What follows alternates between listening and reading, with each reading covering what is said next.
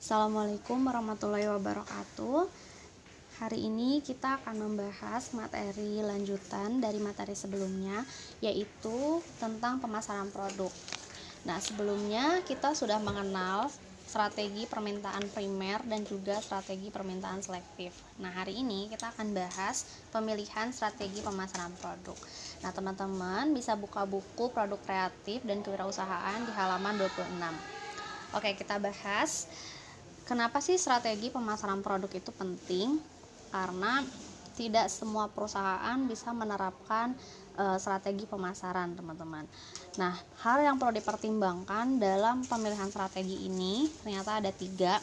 Yang pertama adalah tujuan atau sasaran dari produk. Yang kedua adalah peluang pasar dan yang ketiga kesuksesan dari si pasar itu sendiri. Oke, kita akan bahas satu-satu tentang tujuan atau sasaran dari produk. Kenapa sih memilih strategi pemasaran produk itu harus e, mengacu dari si tujuan atau sasaran produk? Perlu teman-teman tahu, ternyata tujuan utama produk e, diciptakan dari satu perusahaan ke perusahaan lainnya itu pasti beda ada yang mungkin tujuannya untuk meningkatkan volume penjualan atau e, meningkatkan pertumbuhan pangsa pasar misalnya. Nah, kalau misalnya tujuan utama produk diciptakan dari perusahaan itu adalah meningkatkan volume penjualan, berarti teman-teman sudah tahu strategi apa yang harus dipakai, yaitu strategi permintaan selektif. Karena di strategi permintaan selektif mereka berfokus pada gimana caranya nih bisa merebut pelanggan dari pesaing lain atau bisa juga dengan cara memperluas pasar yang dilayani.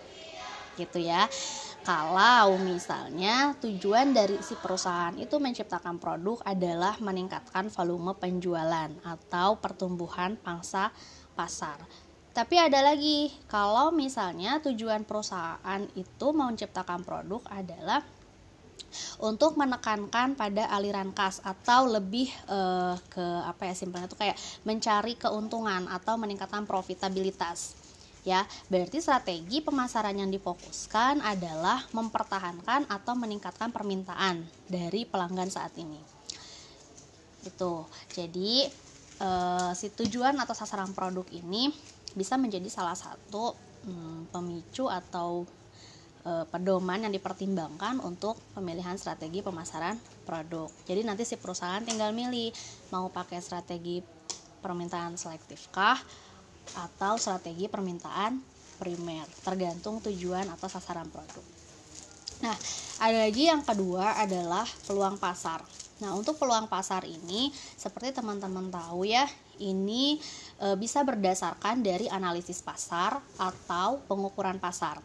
Nah, si analisis pasar ini bisa memberikan informasi kayak siapa nih yang beli e, produknya, siapa yang nggak beli produknya, siapa yang suka produk perusahaan itu, siapa juga yang nggak suka produk perusahaan itu, atau eh, faktor-faktor lain, contoh e, kemampuan si pembeli atau si konsumen untuk membeli produk tersebut. Nah, itu bisa menjadi salah satu pertimbangan dalam pemilihan strategi pemasaran produk. Nah, informasi seperti itu ya, kayak misalkan siapa yang beli, siapa yang mampu dan siapa yang nggak mampu beli produk dari satu perusahaan, itu bisa menjadi keuntungan atau bisa menjadi manfaat untuk si manajer pemasaran dalam memilih strategi dan juga program pemasaran apa yang akan diciptakan. Untuk apa? Tentunya untuk meningkatkan jumlah pemakai atau tingkat pemakaian. Ada loh e, perusahaan atau orang ketika jualan pelanggannya itu-itu aja, tapi meskipun hanya itu-itu aja, biasanya dia meningkatkan uh, tingkat pemakaian. Ada juga perusahaan yang tingkat pemakaiannya biasa aja, uh, standar misalnya sebulan sekali atau seminggu sekali, tapi jumlah pemakainya terus bertambah. Kayak gitu teman-teman. Nah itu bisa dianalisis ya untuk apa analisis tadi balik lagi supaya kita tahu karakteristik atau besarnya peluang pasar itu seperti apa sih di perusahaan tersebut Nah, selain analisis pasar, bisa juga dengan pengukuran pasar.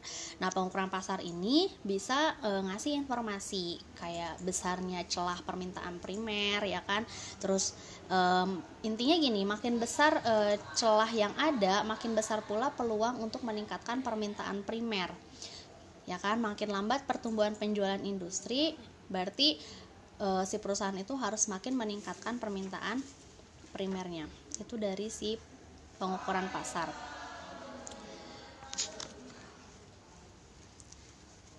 Nah, terus yang ketiga ada namanya kesuksesan pasar atau market success. Nah, kesuksesan pasar ini eh, manajer pemasaran itu harus udah mulai paham nih jenis keunggulan bersaing dan tingkat pengeluaran pemasaran. Ya kan? Kenapa diperlukan? Ya, untuk mencapai kesuksesan pasar tadi. Contoh, melalui analisis persaingan ya kan perusahaan harus paham nih siapa yang menjadi pesaing utama ya kan dari perusahaan tersebut kita ambil contoh seperti Unilever produknya itu kan adalah hmm, apa produk apa sih namanya? Unilever itu kan hmm, perusahaan multinasional ya. Dia mau menciptakan segala macam produk dari mulai uh, produk yang bisa dikonsumsi sampai yang produk tidak bisa dikonsumsi. Dengan banyaknya produk itu si Unilever harus tahu nih siapa sih pesaing mereka di dunia industri oh misalnya sebelahnya eh, PNG misalkan. Nah itu menjadi salah satu contoh dari si analisis persaingan. Jadi Unilever tahu oh ketika dia menciptakan produk A misalkan pesaingnya adalah PNG misalnya. PNG mengeluarkan produk ini. Nah Unilever harus mengeluarkan produk apa sih yang bisa mengimbangi atau e, meningkatkan gitu atau lebih dari si produk PNG tadi jadi memahami siapa pesaing. Terus seberapa besar tingkat intensitas persaingan yang ada. Kira-kira berpengaruh besar nggak sih ketika PNG mengeluarkan satu produk ya kan terhadap Unilever misalkan? Oh pengaruhnya misalkan e, hanya sekian persen misalnya. Nggak nggak begitu berpengaruh. Berarti kan tingkat intensitas persaingannya itu ya udah biasa aja gitu. Nah itu juga bisa dianalisis untuk kesuksesan pasar tadi. Atau keunggulan apa nih yang harus dikembangkan dalam rangka bersaing? Ya kayak tadi sama sih sebetulnya ketika misalkan PNG mengeluarkan produk kira-kira Unilever keunggulan apa yang mau dikembangin dari si produk supaya bisa lebih dari si produk yang dikeluarkan oleh PNG itu teman-teman ya Nah, ternyata dari eh, kesuksesan pasar ini kita bisa menerapkannya secara teori ada empat rancangan yang bisa diterapkan. Yang pertama adalah strategi sebagai puzzle. Nah, ini biasanya digunakan oleh para, oleh para manajer pemasaran eh, untuk mengembangkan satu perusahaan. Ada strategi puzzle, ada strategi dilema, ada strategi trade off, sama strategi paradox. Nah, teman-teman bisa baca di buku di halaman 28. Untuk strategi puzzle ini mas eh, artinya adalah masalah menantang yang ada solusi optimalnya. Jadi ketika ada masalah yang muncul dari perusahaan tersebut, si perusahaan itu sudah tahu solusi apa yang harus dilakukan. Gitu. Terus yang kedua strategi sebagai dilema, masalah rumit dengan dua kemungkinan solusi, tetapi keduanya bukanlah strategi terbaik. Nah biasanya ini untuk perusahaan-perusahaan yang udah di uh, ambang kehancuran gitu ya, atau misalkan udah mau bangkrut, biasanya ada solusi A, solusi B, tapi kedua-duanya eh kedua solusi ini nggak tahu gitu bakal berjalan baik atau enggak itu strategi sebagai dilema. Terus ada strategi trade off. Nah, strategi trade off ini situasi masalah yang memiliki banyak kemungkinan solusi. Ya kan? Jadi ketika ada masalah, solusinya banyak. Hanya saja masing-masing di antaranya menuntut keseimbangan berbeda. Gitu. Jadi tergantung aspek apa nih yang lagi menjadi masalah. Dan ada yang keempat yaitu strategi sebagai paradoks yaitu situasi saat dua faktor yang kelihatannya kontradiktif ya kontradiktif tuh hmm, sulit dipecahkan gitu bahkan bersifat mutually eksklusif jadi e, masalahnya tuh ada di waktu yang sama jadi kemungkinan cari solusinya itu sulit gitu nah itu strategi paradoks. Nah, dari keempat ini, strategi puzzle, strategi dilema, strategi trade off, strategi paradoks ini bisa memecahkan masalah yang terjadi di perusahaan oleh si seorang manajer pemasaran. Itu. Apa hubungannya dengan kesuksesan pasar? Nah, kesuksesan pasar eh, dalam satu perusahaan itu kan nggak melulu mulus ya. Pasti ada yang namanya masalah. Nah, gimana caranya si manajer pemasaran itu bisa menguasai si empat strategi tadi ketika masalah datang? itu sih itu sebetulnya just information aja sih buat teman-teman ya yang yang jelas uh, kesuksesan pasar itu adalah si perusahaan harus bisa tahu atau paham jenis keunggulan bersaing di tingkat pengeluaran pemasaran itu seperti apa?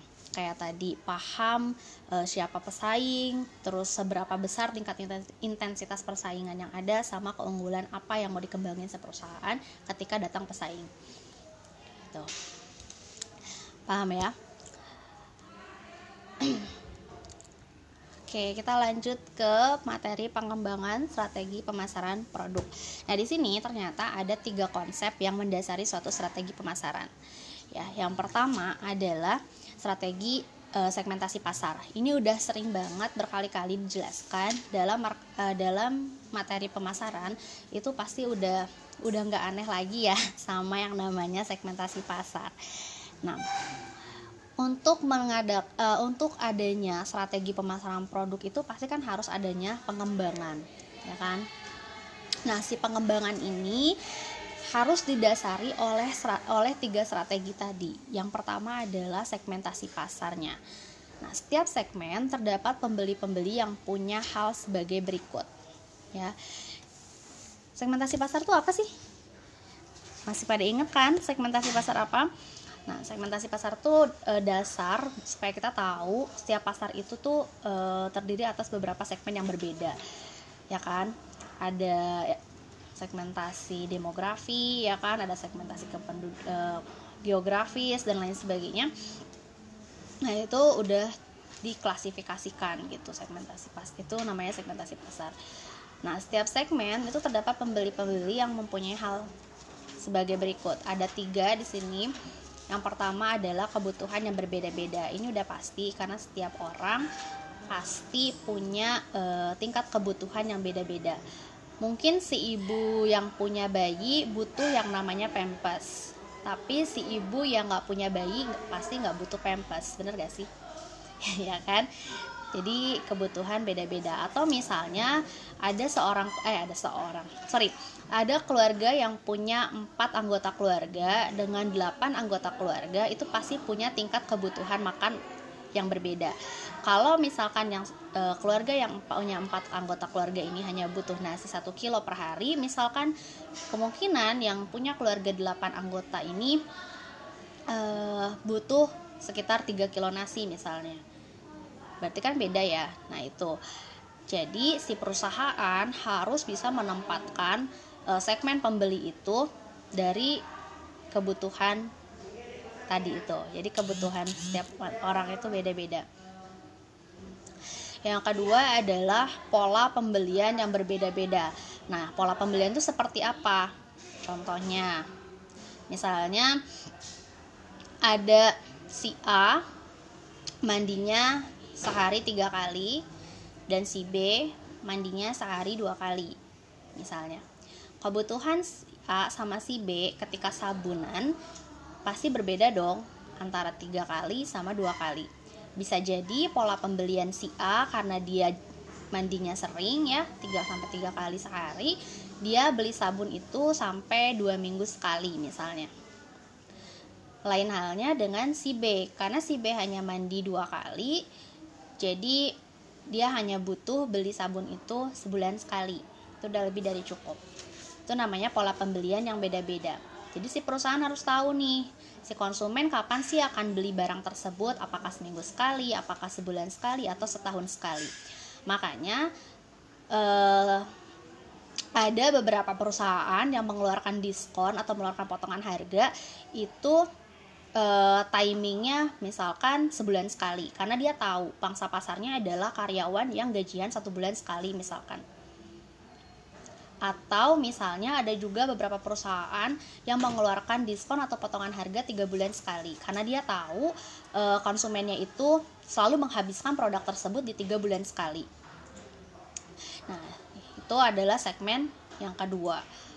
Jadi ada kebutuhan yang beda-beda ada juga pola pembelian yang berbeda. Dan yang ketiga adalah tanggapan yang berbeda-beda terhadap berbagai macam penawaran. Nah ini pasti teman-teman suka ngerasain atau pernah ngalamin mungkinnya ketika jualan tanggapan dari si konsumen itu pasti nggak semuanya yes, benar gak sih? Pasti ada yang bilang oh nanti dulu ya atau misalkan e, boleh deh aku coba dulu kalau enak misalnya atau enggak deh kayaknya aku nggak suka. Nah itu adalah tanggapan dari si konsumen ya kan sama penawaran kita itu bisa dijadikan segmentasi juga. Oh berarti orang yang nolak itu dia nggak suka produk itu. Orang yang bilang e, boleh deh tapi nanti mungkin dia suka tapi ada faktor yang membuat dia nggak bisa beli hari itu misalkan. Atau ada juga orang yang suka gitu. Suka dan ada misalkan uangnya atau ada beberapa faktor yang membuat dia jadi pengen buat beli hari itu. Itu ya teman-teman. Jadi ada tiga segmen terhadap pembeli. Yang pertama adalah kebutuhan yang berbeda-beda yang kedua pola pembelian yang berbeda-beda, dan yang ketiga adalah tanggapan yang berbeda-beda terhadap berbagai macam penawaran. Oke, kita lanjut ke penentuan posisi pasar atau market positioning.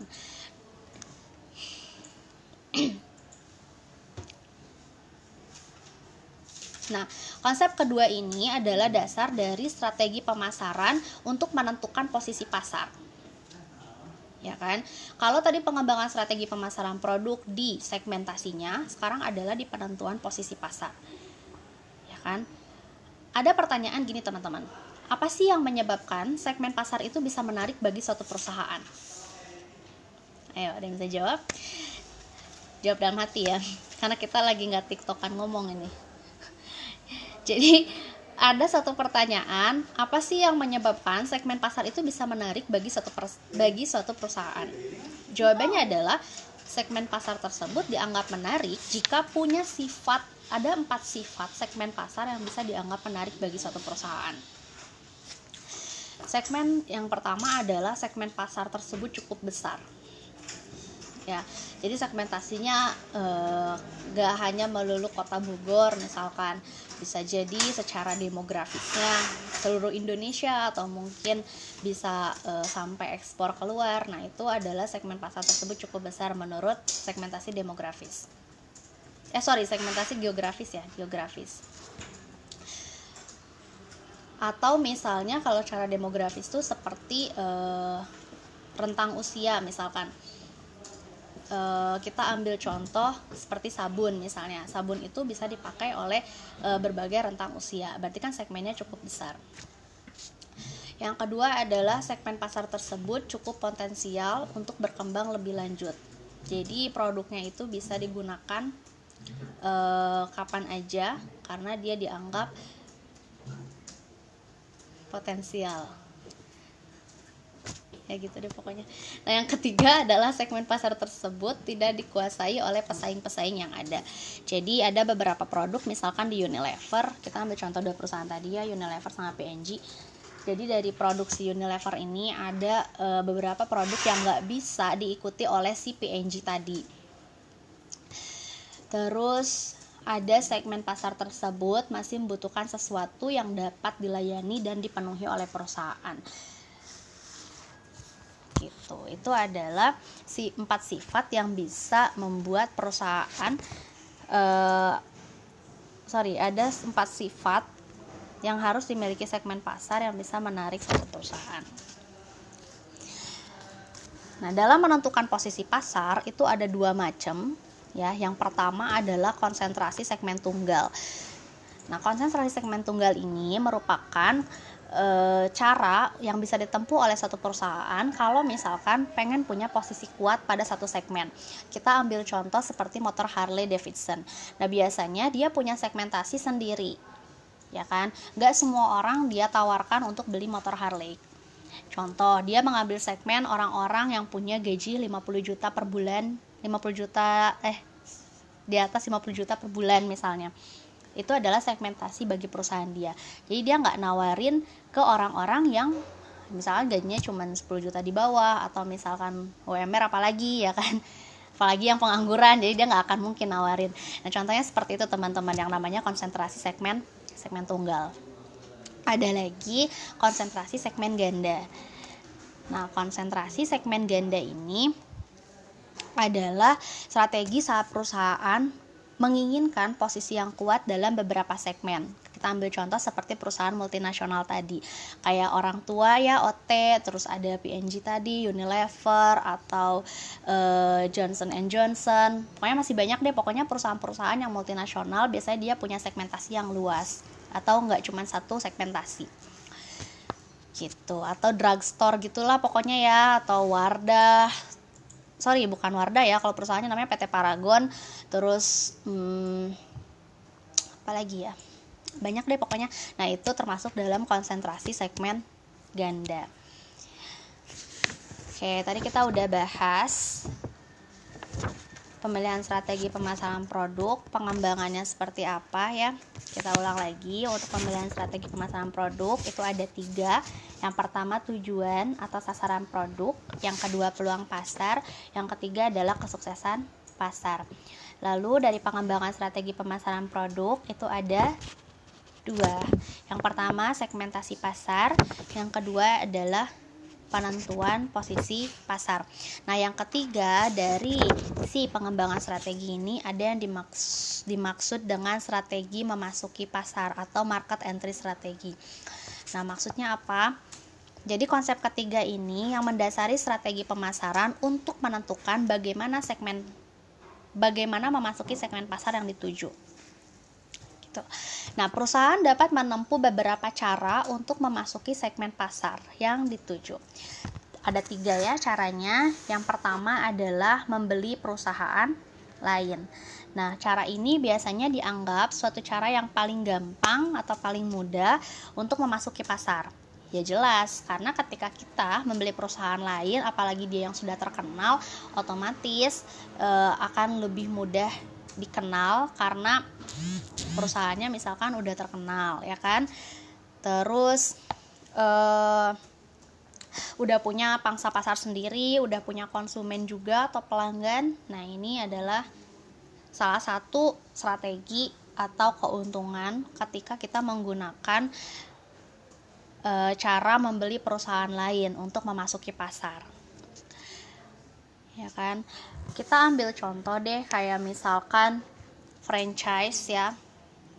KFC itu kalau nggak salah dia e, membuka franchise untuk siapa pun yang mau e, buka restoran ayam dengan nama KFC. Jadi dia buka franchise. Atau misalnya Jelly Potter banyak ya tuh di jalan-jalan minuman-minuman gitu Nah, itu juga menggunakan atau menerapkan sistem franchise. Nah, itu artinya membeli perusahaan lain. Jadi ketika kita membuka usaha, semua orang udah tahu, oh itu Jelly Potter gitu. Oh, itu misalkan KFC dan lain sebagainya.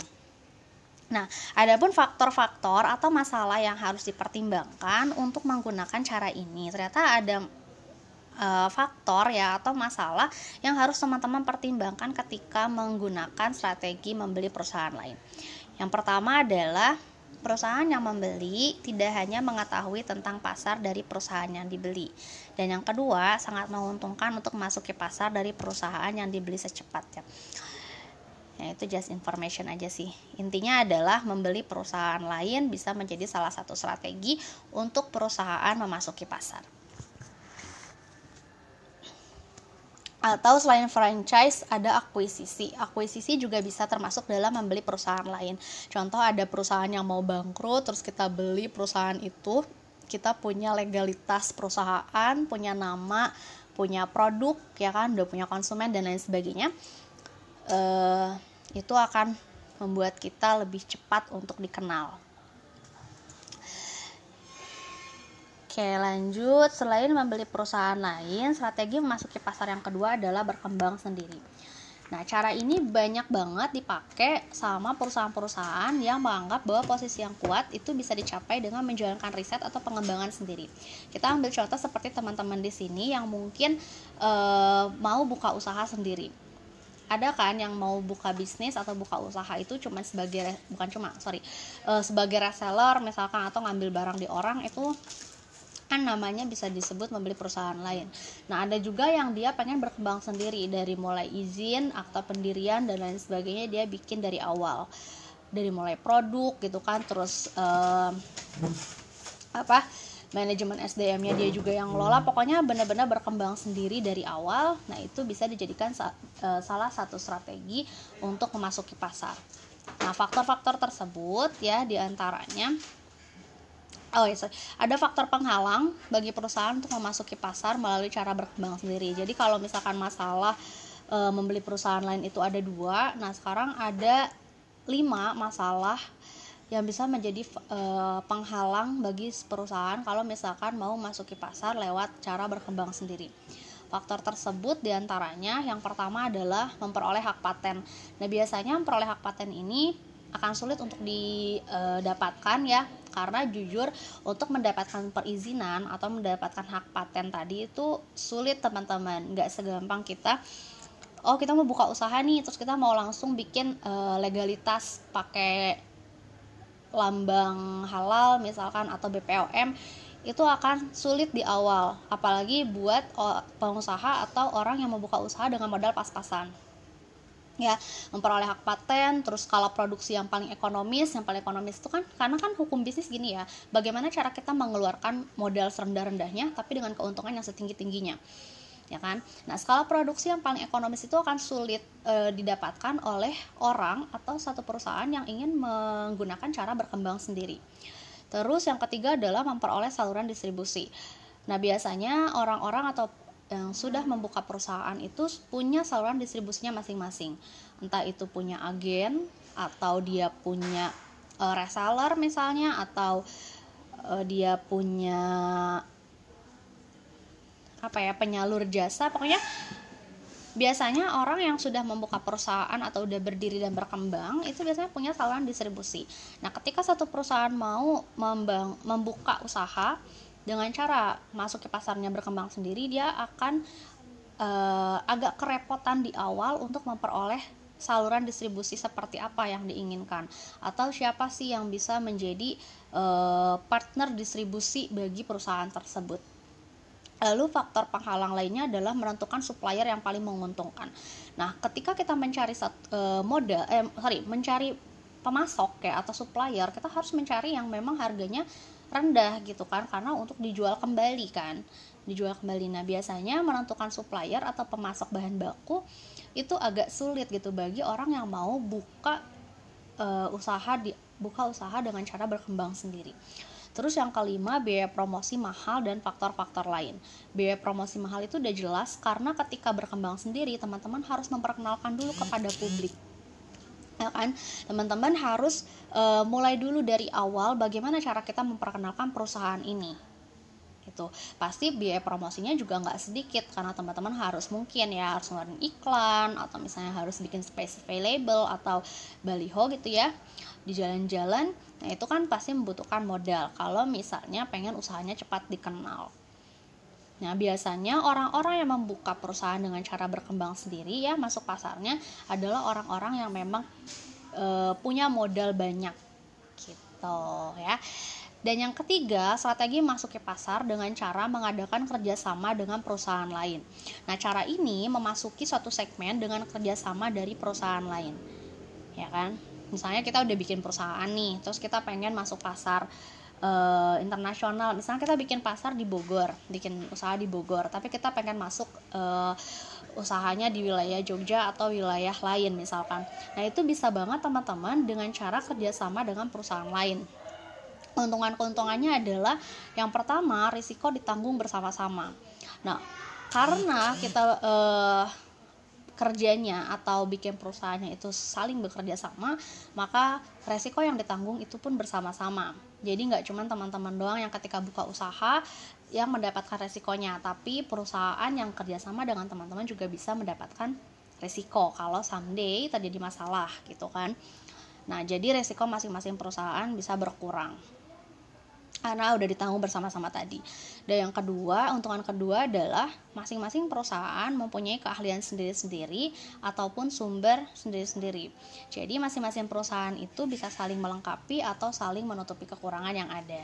Nah itu adalah keuntungan ketika teman-teman mengadakan kerjasama dengan perusahaan lain. Oke, teman-teman sampai sini paham ya. Jadi, kita ulang lagi untuk pengembangan strategi pemasaran produk itu ada tiga poinnya. Yang pertama adalah segmentasi pasar, ya. Yang kedua adalah penentuan posisi pasar dan yang ketiga adalah strategi memasuki pasar.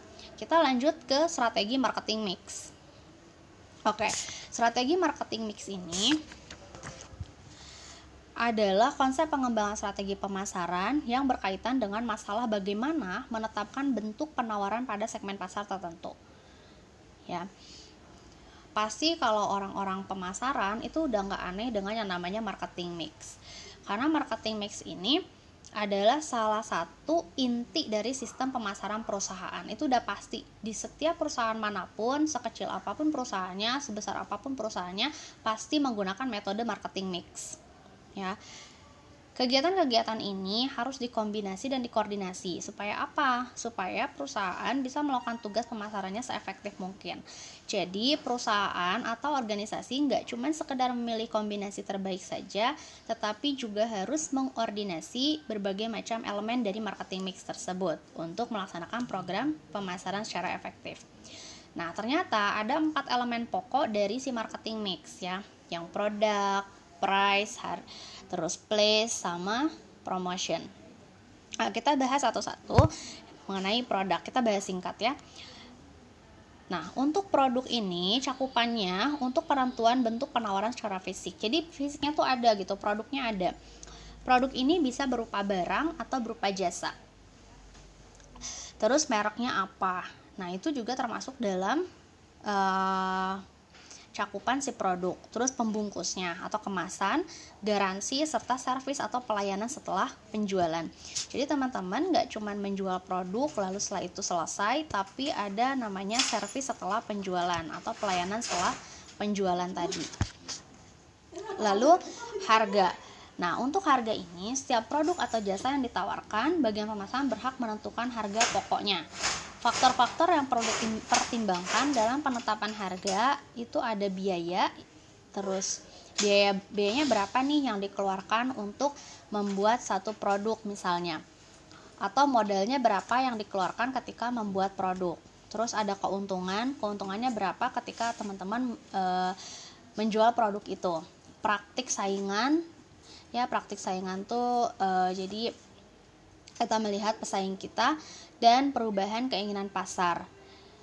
Ya kan e, perubahan keinginan pasar banyak banget ya. Contohnya seperti misalkan harga cabai kadang naik kadang turun itu pasti akan mempengaruhi terhadap e, pembelian si e, atau penjualan si salah satu restoran misalnya. Nah itu bisa mempengaruhi terhadap harga atau penetapan yeah. harga. Misalnya bulan ini restoran itu harganya sedang tinggi-tingginya.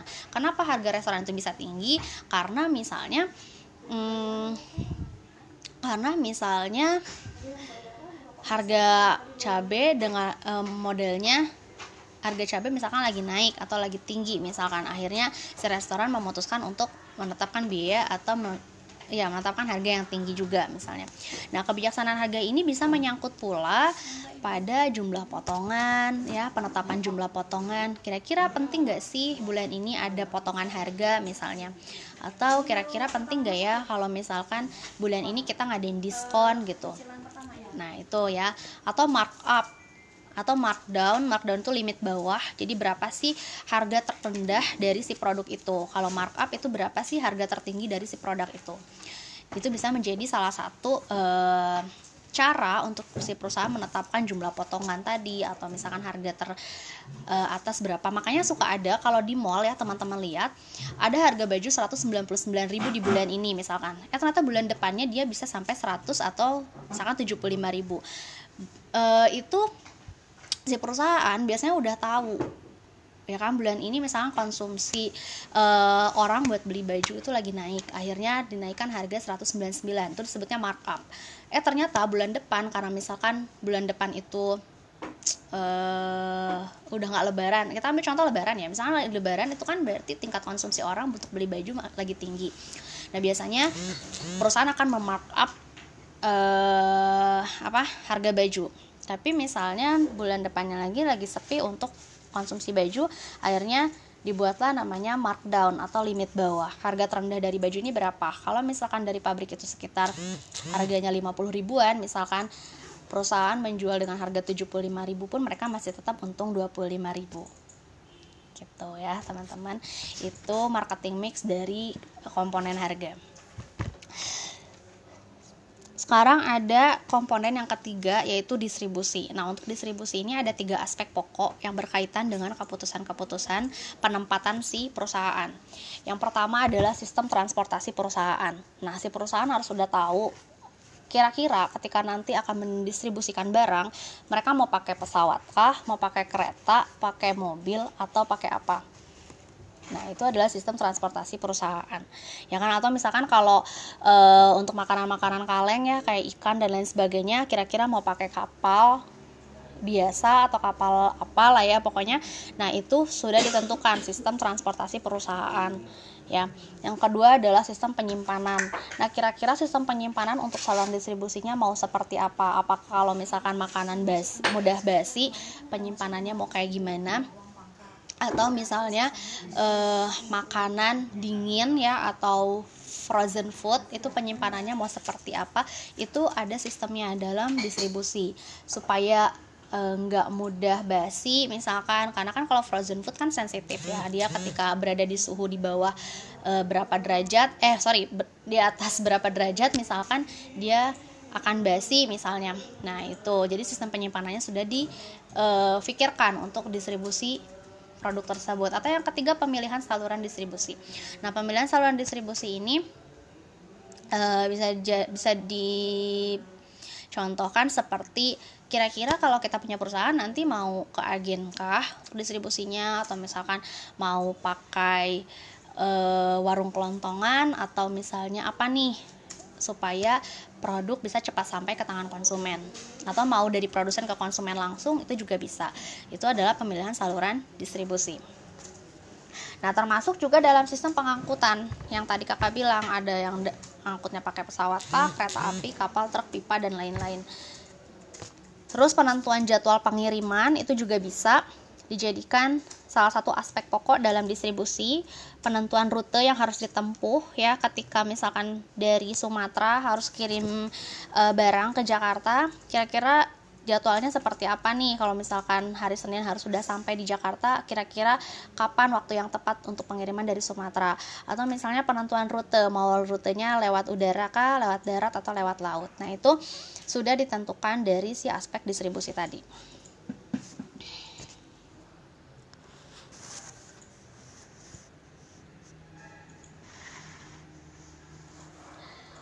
Selanjutnya ada marketing mix aspek keempat, sorry komponen keempat yaitu promosi.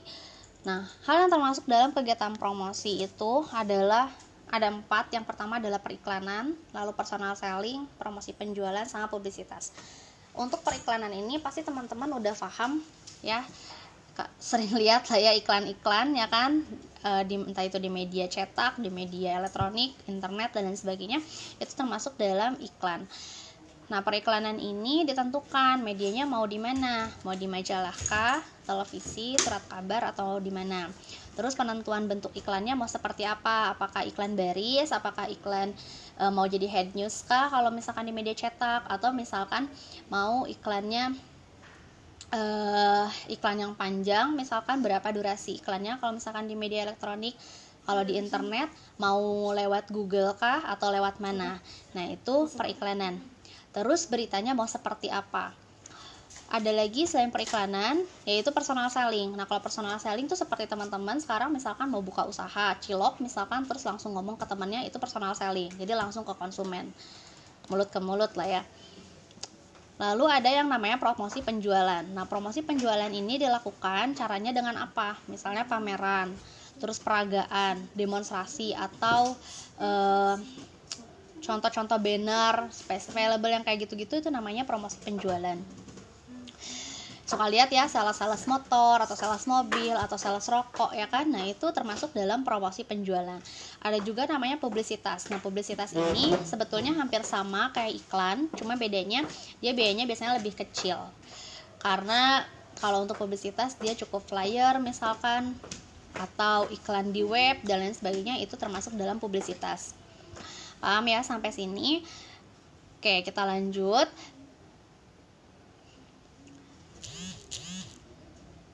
Variabel-variabel marketing mix tersebut dapat dipakai sebagai dasar untuk mengambil suatu strategi dalam usaha mendapatkan posisi yang kuat di pasar.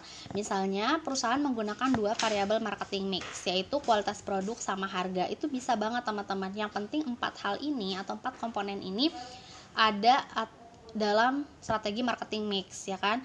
Masing-masing variabel dapat dibuat dalam beberapa tingkatan. Misalnya kualitas produk dan harga tinggi, kualitas produk dan harga sedang atau kualitas produk dan harga rendah. Nah, tergantung bagaimana si perusahaan itu mengombinasikan marketing mixnya. Jadi kalau di buku produk kreatif ya di strategi marketing mix itu nggak cuma empat. Kalau biasanya kita kenal dengan produk harga distribusi dan promosi, di sini ada tambahan yang kelima adalah strategi penentuan waktu. Nah, strategi penentuan waktu ini, konsep kelima dari strategi pemasaran adalah penentuan waktu atau timing. Jadi, kalau perusahaan telah menemukan kesempatan yang baik untuk e, segera membuka usaha, ya bisa bilang buka gitu. Atau misalkan e, ada yang usahanya udah mantep, tempatnya udah ada, tapi kayaknya kira-kira kalau buka usaha bulan ini belum cocok deh misalkan kayak dagang es misalnya di musim hujan. Kira-kira jangan dulu buka deh gitu karena kan masih musim hujan. Nah itu bisa dibilang strategi penentuan waktu. Atau misalnya eh, kira-kira di tahun 2020 kan apalagi zaman zamannya pandemi ya sekarang covid cocok nggak ya kalau misalkan kita buka e, restoran misalkan? Padahal posisinya banyak orang yang sekarang e, mulai apa sih namanya delivery gitu kan jadi kurang cocok kalau misalnya kita bikin suasana restoran instagramable. Karena sekarang lagi jarang orang yang datang makan restoran gitu kan. Kecuali kalau misalkan kita buka hmm, tempat makan tapi sistemnya delivery. Mungkin itu akan cocok dengan masa pandemi seperti ini. Nah contohnya gitu untuk strategi penentuan waktu. Oke sampai sini teman-teman. Ada yang mau ditanyain bisa ditanyain ya. Jadi kita nanti langsung diskusinya di e-learning. Oke kita lanjut ke tadi udah strategi marketing mix ya. Jadi ada lima untuk elemen pokok dari si marketing mix. Yang pertama adalah produk terus ada harga ada distribusi terus ada promosi dan yang kelima adalah strategi penentuan waktu. Nah sekarang kita masuk ke rencana strategi pemasaran produk di perusahaan. Jadi ternyata dari si strategi pemasaran produk ini harus direncanakan. Nah strategi pemasaran perusahaan itu terdiri atas pengambilan keputusan tentang biaya pemasaran dari perusahaan. Jadi Strategi itu bisa terjadi ketika teman-teman merencanakan berapa e, di sini ada komponennya ya. Pengambilan keputusan tentang biaya pemasaran. Kira-kira berapa nih budgetnya ketika kita mau mempromosikan produk itu? Ya kan cukup untuk iklan kah atau cukup untuk hanya sekedar di media cetak atau hanya cukup sekedar untuk personal selling nah itu harus difikirkan biaya pemasaran dari perusahaan itu berapa? Supaya si manajer pemasaran atau si orang pemasaran itu bisa tahu strategi pemasaran seperti apa yang bisa diterapkan di perusahaan tersebut. Terus yang kedua adalah bauran pemasaran. Nah bauran pemasaran ini kira-kira eh, mau apa yang di dipakai gitu supaya bisa terjadi eh apa bisa tercipta yang namanya strategi pemasaran. Terus alokasi pemasaran dalam hubungannya dengan lingkungan yang diharapkan dalam kondisi persaingan. Nah, ini lebih ke tempatnya tuh di mana gitu. Terus pesaing-pesaingnya itu siapa. Itu adalah tiga rencana yang harus dipikirkan sebelum membuat strategi pemasaran. Sini ada pun faktor-faktor yang dapat mempengaruhi strategi pemasaran pada suatu perusahaan itu ternyata ada dua teman-teman yaitu lingkungan mikro sama lingkungan makro. Nah dari lingkungan mikro ini terbagi lagi menjadi enam. terbagi lagi jadi enam. Yang pertama itu ada perusahaan. Jadi lingkungan mikro ini ya perusahaan ter, lingkungan mikro perusahaan terdiri atas para pelaku dalam lingkungan yang langsung berkaitan dengan perusahaan yang memengaruhi kemampuannya untuk melayani pasar. Jadi ada enam yang termasuk dalam uh, faktor yang dapat mengaruhi strategi pemasaran lewat lingkungan mikro. Yang pertama adalah perusahaan itu sendiri. Nah, perusahaan di sini maksudnya adalah struktur organisasi dari perusahaan itu sendiri. Contoh, uh, manajemen puncak itu seperti direktur atau kalau di sekolah deh ketua yayasan misalkan kepala sekolah itu manajemen puncak namanya. Terus kalau di perusahaan-perusahaan swasta misalnya kayak direktur manajer itu manajemen puncak ya. Terus keuangan perusahaan penelitian dan pengembangan biasanya bagian produksi ya. Terus bagian pembelian pembelian itu kayak sales. Terus bagian produksi akuntansi dan SDM atau sumber daya manusia yang dimiliki perusahaan Nah, strategi pemasaran yang diterapkan oleh bagian manajemen pemasaran harus memperhitungkan kelompok lain di perusahaan dalam merumuskan rencana pemasarannya. Kenapa? Karena manajer pemasaran juga harus bekerja sama dengan para staf di bidang lainnya. Jangan sampai teman-teman ketika e, menerapkan satu strategi pemasaran ternyata tidak disetujui oleh si manajemen puncak tadi misalkan atau eh, teman-teman sudah membuat strategi oh mungkin perusahaan ini bulan ini bisa iklan nih misalkan di TV tapi teman-teman nggak nanya dulu nih ke bagian keuangan perusahaan. Apakah keuangan perusahaan itu memadai atau tidak. Nah itu salah satu eh, apa faktor yang bisa mengaruhi strategi pemasaran lewat lingkungan mikro ya dari si perusahaan. Yang kedua dari pemasok atau supplier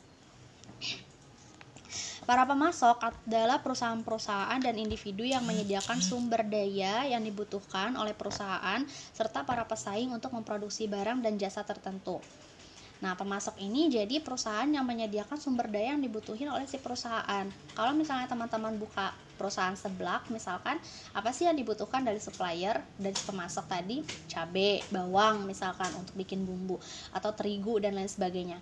Nah, itu juga bisa mempengaruhi si strategi pemasaran. Terkadang perusahaan juga harus memperoleh tenaga kerja, ya kan peralatan, terus bahan bakar, listrik dan faktor-faktor lain dari pemasok. Nah, perkembangan dalam lingkungan pemasok dapat pengaruh dapat berpengaruh yang sangat berarti terhadap pelaksanaan pemasaran suatu perusahaan. Manajer pemasaran perlu mengamati kecenderungan harga dari masukan-masukan terpenting bagi kegiatan produksi perusahaan mereka misalnya kekurangan sumber bahan mentah. Kalau misalkan teman-teman ya dari pemasok atau suppliernya ternyata terigunya misalkan nggak ada karena langka atau misalnya cabai deh lagi langka kira-kira uh, usaha sebelaknya berjalan dengan lancar nggak? Enggak ya. Jangan kan untuk strategi pemasaran mungkin di produksi pun akan berhenti gitu. Nah itu juga menjadi salah satu faktor yang mempengaruhi strategi pemasaran. Pemogokan tenaga kerja dan berbagai kejadian lainnya yang berhubungan dengan pemasok dapat mengganggu strategi pemasaran yang dilakukan atau dijalankan perusahaan. Terus yang termasuk dalam lingkungan mikro ada para perantara pemasaran. Nah, para perantara pemasaran ini adalah perusahaan-perusahaan yang nantinya akan membantu perusahaan dalam promosi, ya penjualan dan distribusi barang atau jasa kepada para konsumen akhir. Perantara pemasaran itu contohnya seperti agen, ya kan? Nah, di sini ada perantara adalah perusahaan atau individu yang membantu perusahaan untuk menemukan konsumen, misalnya agen, ya. Terus pialang dan perwakilan produsen. Biasanya, uh, sorry, bukan biasanya, perusahaan yang termasuk dalam uh, yang menggunakan perantara konsumen itu adalah Aqua. Jadi dia nggak langsung dari pabrik ke konsumen, tapi dia melalui agen, warung dan lain sebagainya. Nah itu termasuk dalam para perantara.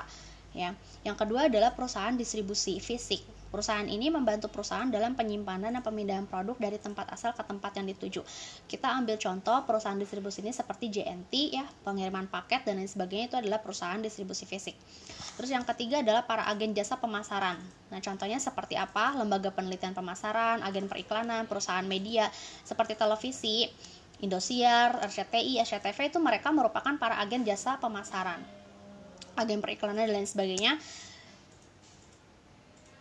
Terus yang keempat adalah yang termasuk para perantara pemasaran adalah perantara keuangan. Contohnya seperti bank, perusahaan kredit, perusahaan asuransi dan perusahaan lain. Ya. Nah, itu termasuk dalam para perantara pemasaran. Terus para pelanggan. Pelanggan merupakan pasar sasaran suatu perusahaan yang menjadi konsumen atas barang atau jasa yang ditawarkan oleh perusahaan. Pelanggan dapat berupa individu-individu, lembaga-lembaga, organisasi dan lain sebagainya. Terus para pesaing, nah ini udah tahu ya, berarti pesaing si perusahaan atau e, lawan dari si perusahaan dan masyarakat umum. Nah, masyarakat umum ini bisa memperlancar atau menghambat kemampuan perusahaan untuk mencapai sasaran. Ya. Ini termasuk dalam lingkungan mikro. Lingkungan mikro itu intinya dari dari mana? Lingkungan mikro itu dari dalam ya Lalu ada lingkungan makro. Nah, terdiri atas kekuatan-kekuatan yang bersifat kemasyarakatan yang lebih besar dan mengaruhi semua pelaku dalam lingkungan mikro dalam perusahaan. Nah, ada lima yang termasuk dalam lingkungan makro. Yang pertama adalah lingkungan demografis atau kependudukan. Nah, ling Lingkungan demografis atau kependudukan ini menunjukkan keadaan dan permasalahan mengenai penduduk, seperti distribusi penduduk secara geografis, terus tingkat kepadatan penduduknya, kecenderungan perpindahan dari satu tempat ke tempat lain, ya, distribusi usia, misalnya kelahiran, pernikahan, ras, suku bangsa, dan struktur keagamaan itu bisa berpengaruh terhadap lingkungan demografis atau kependudukan. Lalu ada lingkungan ekonomi, itu termasuk juga dalam lingkungan makro. Nah, untuk lingkungan ekonomi ini yang termasuk adalah kebijakan pemerintah yang berkenaan dengan ekonomi misalnya. Kebijakan apa nih di bulan ini yang bisa mempengaruhi terhadap ekonomi? Ya, kalau misalkan teman-teman suka nonton berita ekonomi, itu biasanya ada kebijakan-kebijakan baru terhadap eh, misalkan e, harga minyak ya kan per barelnya berapa misalkan di bulan ini. Nah itu termasuk dalam kebijakan pemerintah yang bisa mempengaruhi e, strategi e, strategi pemasaran. Terus ada tekanan inflasi yang berkelanjutan. Misalnya teman-teman tahu inflasi kan ya? Terus perubahan pada bola pada pola belanja konsumen kalau pola belanja konsumen ini contohnya dari yang dulu misalkan lebih suka belanja offline sekarang karena lagi ada pandemi dan lain sebagainya akhirnya orang-orang lebih suka online gitu karena takut keluar rumah. Itu juga bisa berpengaruh terhadap lingkungan ekonomi. Terus lingkungan fisik ya kita agak cepet ya. E, lingkungan fisik ini menunjukkan kelangkaan bahan mentah tertentu yang dibutuhkan oleh perusahaan peningkatan biaya energi peningkatan angka pencemaran dan peningkatan angka campur tangan pemerintah dalam pengelolaan dan penggunaan sumber-sumber daya alam. Biasanya yang berpengaruh banget terhadap lingkungan fisik itu e, seperti penjualan minyak misalkan ya, itu minyak bumi, bensin dan lain sebagainya itu termasuk e, bisa e, sangat berpengaruh lingkungan fisik. E, penjualan emas dan lain sebagainya juga itu sangat berpengaruh. Terus lingkungan teknologi. Nah, lingkungan teknologi ini menunjukkan peningkatan kecepatan pertumbuhan teknologi ya, penggunaan internet dan lain sebagainya. Makanya di masa pandemi seperti ini justru eh, perusahaan-perusahaan telekomunikasi dan informasi itu sangat diuntungkan gitu karena banyaknya orang yang tinggal di rumah gitu kan. Terus banyak juga orang-orang yang sekarang sudah beralih dari mulai belajar luring ya atau belajar secara langsung secara offline menjadi daring atau secara online. Yaitu bisa mempengaruhi strategi pemasaran di dalam lingkungan teknologi. Terus yang kelima adalah lingkungan sosial atau budaya. Nah, lingkungan ini menunjukkan keadaan suatu kelompok masyarakat mengenai aturan kehidupan, ya, norma-norma dan nilai-nilai yang berlaku dalam masyarakat, pandangan masyarakat dan lain sebagainya. Pokoknya ini berhubungan dengan sosial atau budaya. Nah, biasanya ini berhubungan dengan contoh penggunaan pakaian ya kan? Kalau misalkan di negara barat mereka bisa pakaian seksi pakaian minim ya kan? Rok rok mini gitu. Nah tapi kalau di Indonesia karena kita mayoritas muslim uh, mungkin ada sih gitu kan yang pakai rok mini pakaian minim dan lain sebagainya. Tapi agak kurang disarankan terutama yang tinggal di daerah-daerah atau kota-kota yang kecil. Nah nah itu ya yang termasuk dalam lingkungan makro. Jadi, nanti kalau teman-teman ditanya rencana strategi pemasaran produk di perusahaan itu bisa dipengaruhi oleh dua faktor. Yang pertama ada lingkungan mikro dan yang kedua ada lingkungan makro. Dari lingkungan mikro itu yang berhubungan adalah perusahaan, pemasok, para perantara pemasaran, para pelanggan, para pesaing dan masyarakat umum. Sedangkan di lingkungan makro itu ada lingkungan demografis atau kependudukan, lingkungan ekonomi, fisik, teknologi dan sosial budaya. Oke. Sampai sini kalau misalkan teman-teman ada yang masih bingung dan mau nanya itu kita diskusi di e-learning. Terima kasih.